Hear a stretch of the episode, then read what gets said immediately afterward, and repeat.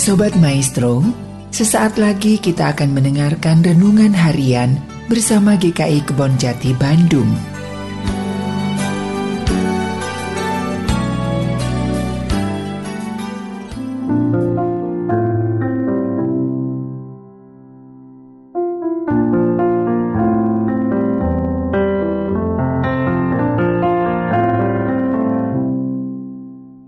Selamat pagi, Bapak Ibu. Bertemu lagi dengan saya Julia dalam renungan harian hari ini.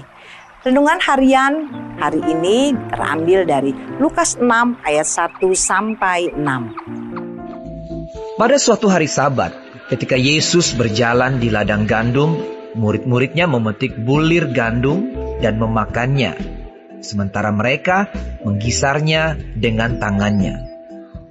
Tetapi beberapa orang Farisi berkata, Mengapa kamu berbuat sesuatu yang tidak diperbolehkan pada hari Sabat? Lalu Yesus menjawab mereka, Tidakkah kamu baca apa yang dilakukan oleh Daud ketika ia dan mereka yang mengikutinya lapar? Bagaimana ia masuk ke dalam rumah Allah dan mengambil roti sajian, lalu memakannya dan memberikannya kepada pengikut-pengikutnya? Padahal roti itu tidak boleh dimakan kecuali oleh imam-imam. Kata Yesus lagi kepada mereka. Anak manusia adalah Tuhan atas hari Sabat.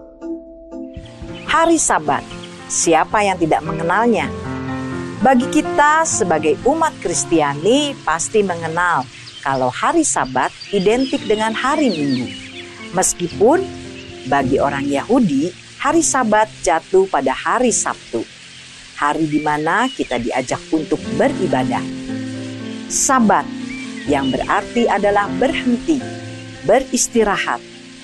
Setelah enam hari lamanya, Allah bekerja menciptakan alam dan isinya.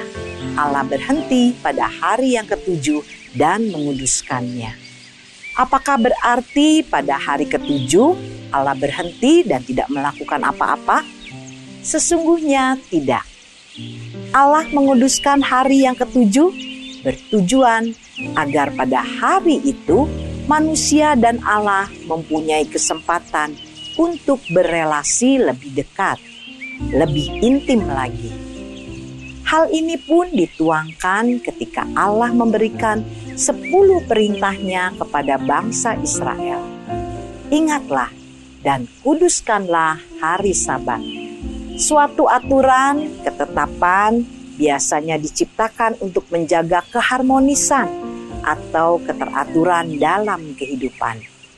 Namun, tidak jarang suatu aturan yang telah ditetapkan dipergunakan oleh orang-orang tertentu untuk menunjukkan kesalahan orang lain, untuk menunjukkan bahwa dirinya lah yang paling mengerti atas aturan tersebut.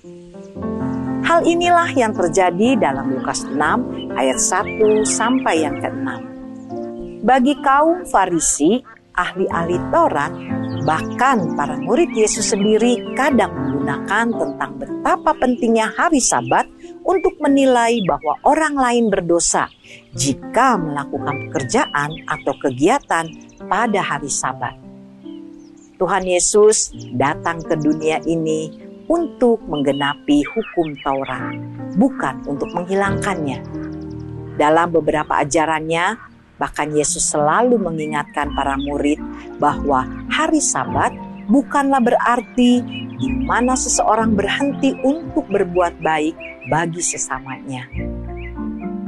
Perumpamaan tentang orang Samaria yang baik hati, atau pertanyaan Tuhan Yesus ketika domba kita terperosok pada hari Sabat, akankah kita diamkan saja menunggu hari Sabat berakhir?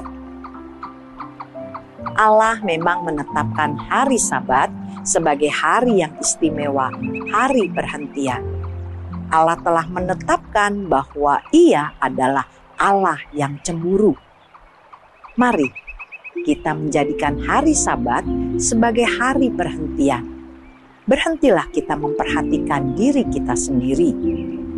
Enam hari lamanya Tuhan memberikan di mana kita bisa menghabiskan untuk diri kita, untuk teman kita, untuk keluarga kita. Marilah di hari yang ketujuh kita menguduskannya. Mari kita memperhatikan orang-orang yang menjadi perhatian Tuhan kita. Tuhan sangat memperhatikan orang-orang asing, orang-orang yang tidak diperhatikan, orang-orang yang bukan dari kelompok kita. Jadikanlah hari Sabat sebagai hari bersahabat bagi orang-orang di luar kita. Karena sesungguhnya mereka adalah orang-orang yang dikasihi Allah, sama seperti Dia mengasihi kita. Amin.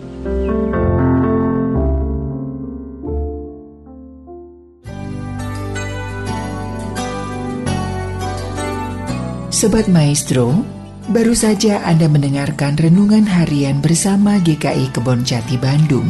Tuhan Yesus memberkati.